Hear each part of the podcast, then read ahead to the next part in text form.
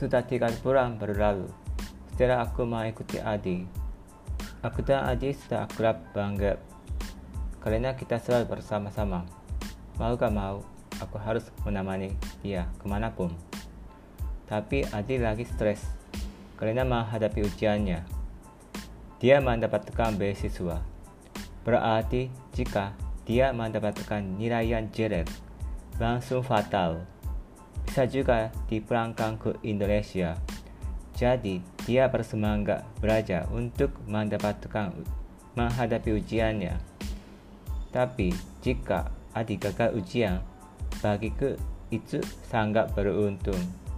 Karena aku ingin pulang ke Indonesia dan bertemu dukunnya supaya kutukan ini dihilangkan. Aku mencari tahu keadaan adik. Gimana gimana lancar.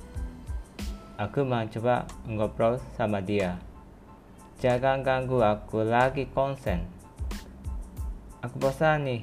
Ayo cari angin dulu supaya nanti lebih konsen. Gak bisa. Aduh, gimana ya caranya untuk ganggu dia dan gagal ujiannya. Lalu aku merayan di luar jendela. Saat itu aku bertemu Sakura. Halo Sakura.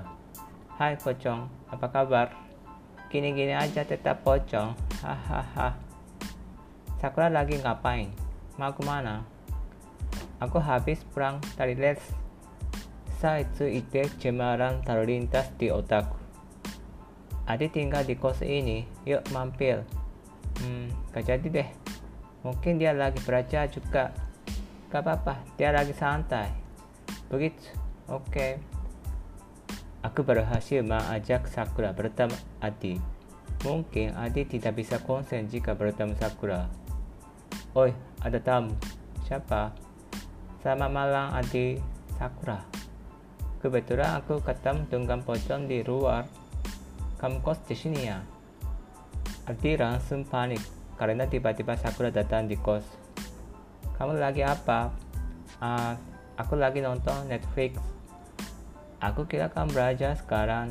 Oh, ada ujiannya. Aku lupa. Tadi pura-pura jenius. Kamu mendapatkan mendapat beasiswa ya? Hebat sekali. Enggak biasa-biasa aja.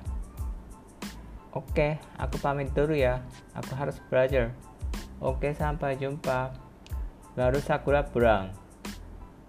Aku mengira konsentrasi adik pecah gara-gara bertemu Sakura tapi justru dia bertambah semangat. Aku harus lulus ujiannya supaya aku tetap bisa bertemu Sakura. Sepertinya aku memberikan adik semangat.